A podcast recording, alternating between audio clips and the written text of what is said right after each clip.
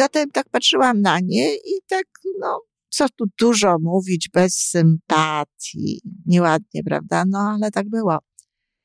I nagle w pewnym momencie. Żyjmy coraz lepiej po raz 834.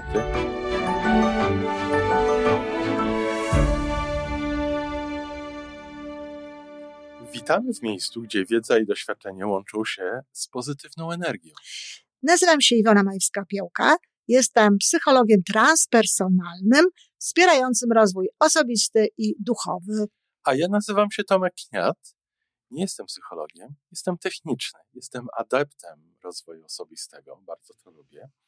Razem tworzymy podcast, właśnie ten, którego słuchanie powoduje, że naprawdę żyje się coraz lepiej. Wiemy to, bo tak nam mówią nasi słuchacze. Zapraszamy do wysłuchania kolejnego odcinka i mamy nadzieję, że nowe głosy dołączą do tych, że warto nas słuchać.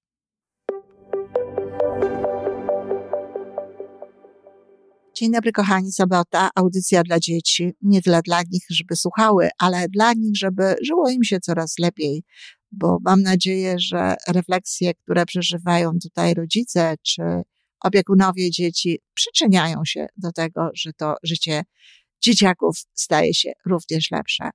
Dzisiaj osobista taka dość historia, ponieważ jakoś tak mnie nawiedziło dzisiaj to wspomnienie.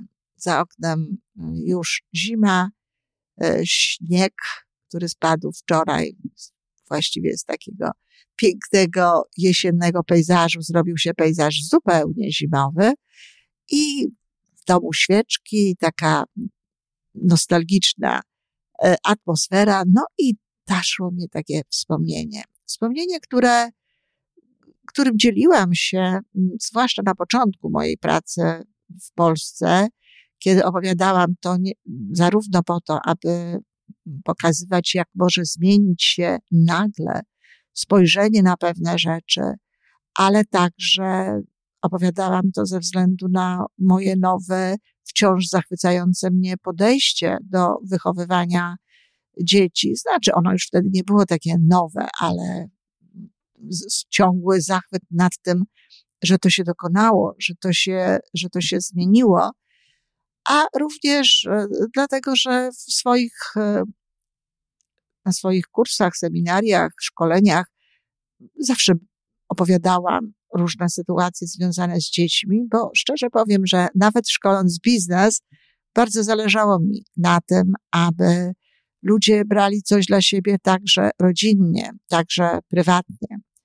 No myślę, że jesteście już wystarczająco ciekawi, cóż to za historia, żebym zaczęła ją opowiadać. No cóż, był rok 1987, lato. Dopiero co przyjechaliśmy do Kanady. E, byłam wówczas matką prawie 11-letniej Magdy i niespełna dwuletniej Weroniki, czyli no, można powiedzieć kobietą już taką z doświadczeniem macierzyńskim. No ale to moje doświadczenie, wiadomo, nierzadko mówię o tym, że nie jestem specjalnie dumna z tego, jaką byłam matką. E, działa się na placu zabaw. Dwie kobiety rozmawiające ze sobą bardzo głośno. No, kobiety mniej więcej w moim wieku. Ja dość wcześnie miałam Magdę, no powiedziałabym nawet, że bardzo wcześnie miałam Magdę. E, a tutaj jednak te kobiety trochę, trochę później z reguły e, zostawały matkami, czyli miały one tak mniej więcej tyle lat co ja, około 30. I tak jak mówię, rozmawiały bardzo głośno, bardzo były sobą zajęte. Dzieci bawiły się nieopodal w piaskownicę. Ja jestem bardzo wrażliwa na dźwięki. Wszelkie głośne dźwięki są dla mnie nieprzyjemne. Również nie przepadam za głośnym e, mówieniem. W tamtym czasie byłam osobą dość oceniającą. Moja tolerancja rodziła się, e, no, mogę powiedzieć, wcale nie tak łatwo.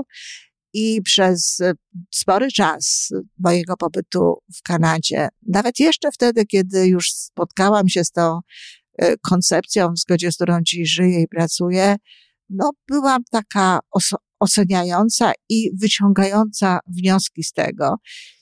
I oceniająca, znaczy ja, wiecie, że ja często mówię o tym, że w ocenianiu nie ma niczego niedobrego, pod warunkiem, że nie jest ono właśnie takie osądzające, takie polegające na wyciąganiu wniosków, nadawaniu nalepek, na nazywaniu ludzi. I patrząc na te dziewczyny, no, nie będę wam mówiła, co czułam, ale nie czułam najlepiej, tak? Takie głośne. Do tego jeszcze były ubrane również w taki sposób, który e, ja bym się nigdy nie ubrała i taki dość dla mnie nowy. Mm, zatem tak patrzyłam na nie i tak, no, co tu dużo mówić, bez sympatii. Nieładnie, prawda? No, ale tak było. I nagle w pewnym momencie mm, podeszła do, do nich dziewczynka, jedna z tych, z tych, które bawiły się w piasku, nie wiem, starsza na pewno od mojej Weroniki, około czterech lat, może miała trzy, cztery lata. I w tym momencie jedna z tych dziewczyn, excuse me, powiedziała do swojej koleżanki, odwróciła się cała do tego dziecka i z taką, z taką troską i z taką atencją i z taką uwagą zapytała, co się stało, kochanie? No, oczywiście po angielsku. To potrafiłam wtedy zrozumieć, bo mój angielski również nie był w tamtym czasie jakiś specjalnie dobry. I to, ten moment, ta sytuacja tak się ułożyła w mojej głowie, tak się ułożyły w mojej głowie w tym momencie myśli, że uwierzcie mi, przeżyłam zjawisko aha.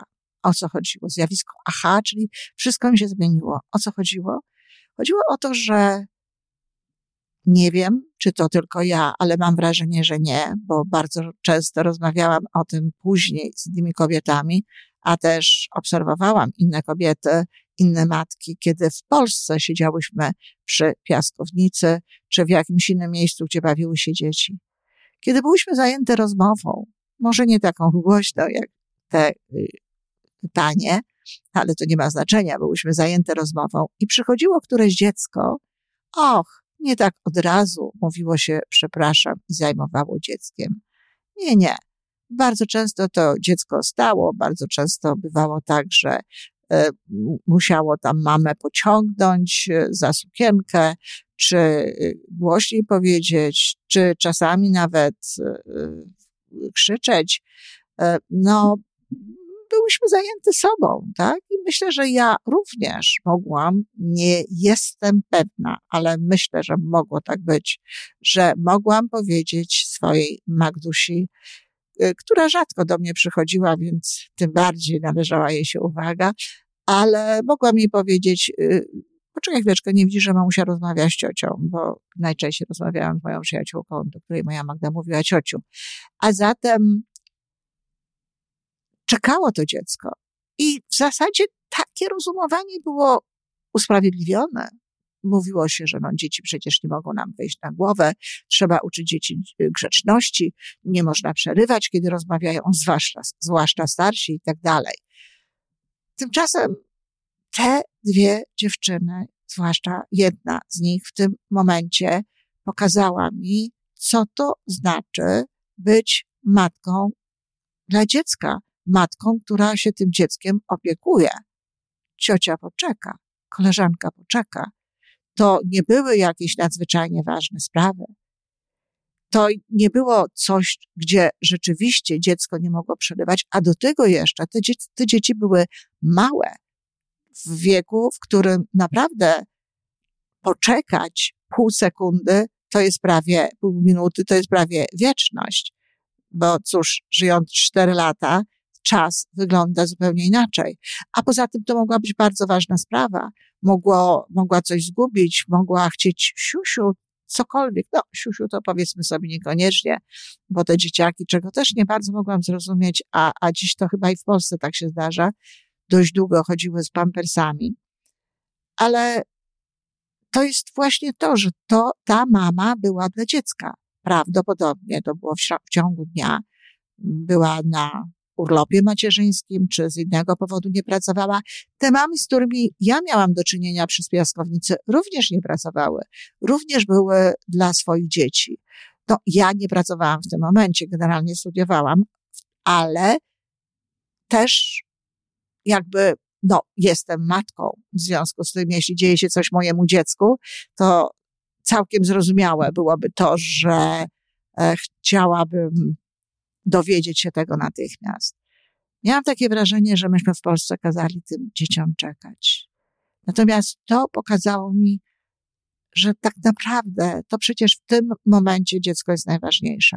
I jeżeli pokazujemy mu, grzecznie przepraszając ciocię, że ono jest dla nas takie ważne, że jesteśmy zainteresowani tym, co się tutaj takiego zadziało, że jesteśmy gotowi mu pomóc, to jest to dla niego nieuświadamiany oczywiście, ale bardzo istotny moment, w którym czuje się ważna, czuje się istotna, czuje się kochane. I ktoś może powiedzieć, no dobrze, i co? I tak będzie mi przeszkadzać zawsze? Nie, nie będzie przeszkadzać. Ja od tego momentu, począwszy, no zaczęłam zupełnie inaczej podchodzić do Weroniki. Moja Magda też mi specjalnie nie przeszkadzała w życiu, no ale właśnie dlatego, że no, była uczona zazwyczaj, że nie może robić tego czy tamtego. Zresztą to było w ogóle nadzwyczaj grzeczne dziecko. Natomiast Weronika była trochę inna. Weronika miała większe wymagania, ale ja od tego momentu coś zrozumiałam, tak jak powiedziałam, i zaczęłam Weronikę traktować inaczej.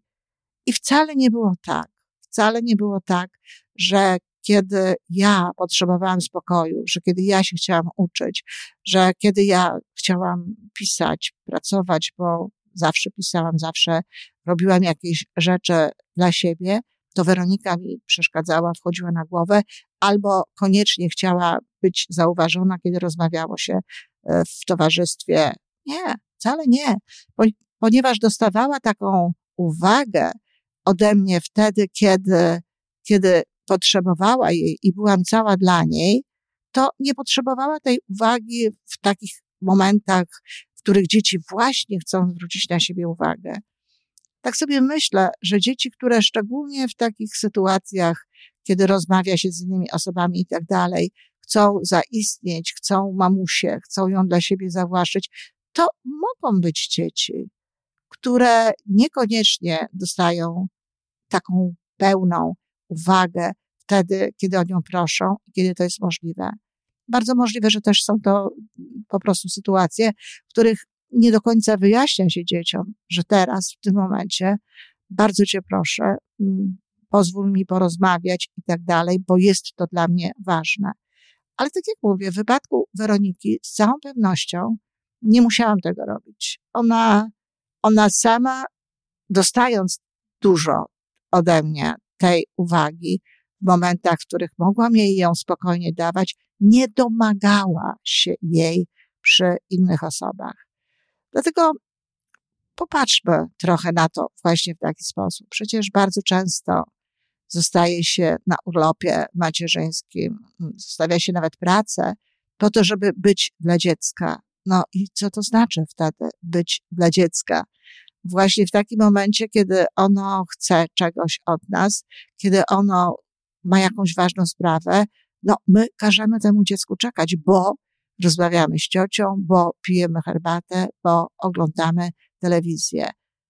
Bardzo często widywałam takie sytuacje naprawdę w Polsce i jestem przekonana, choć nie pamiętam, prawdopodobnie pamięć mi tutaj pomogła, e, może jedną taką sytuację pamiętam, aby, że właśnie niekoniecznie tak z taką atencją, z taką uwagą, z takim całym zwróceniem się w stronę tego dziecka ciałem, umysłem, sercem, no, żebyśmy tak to właśnie robiły my, matki.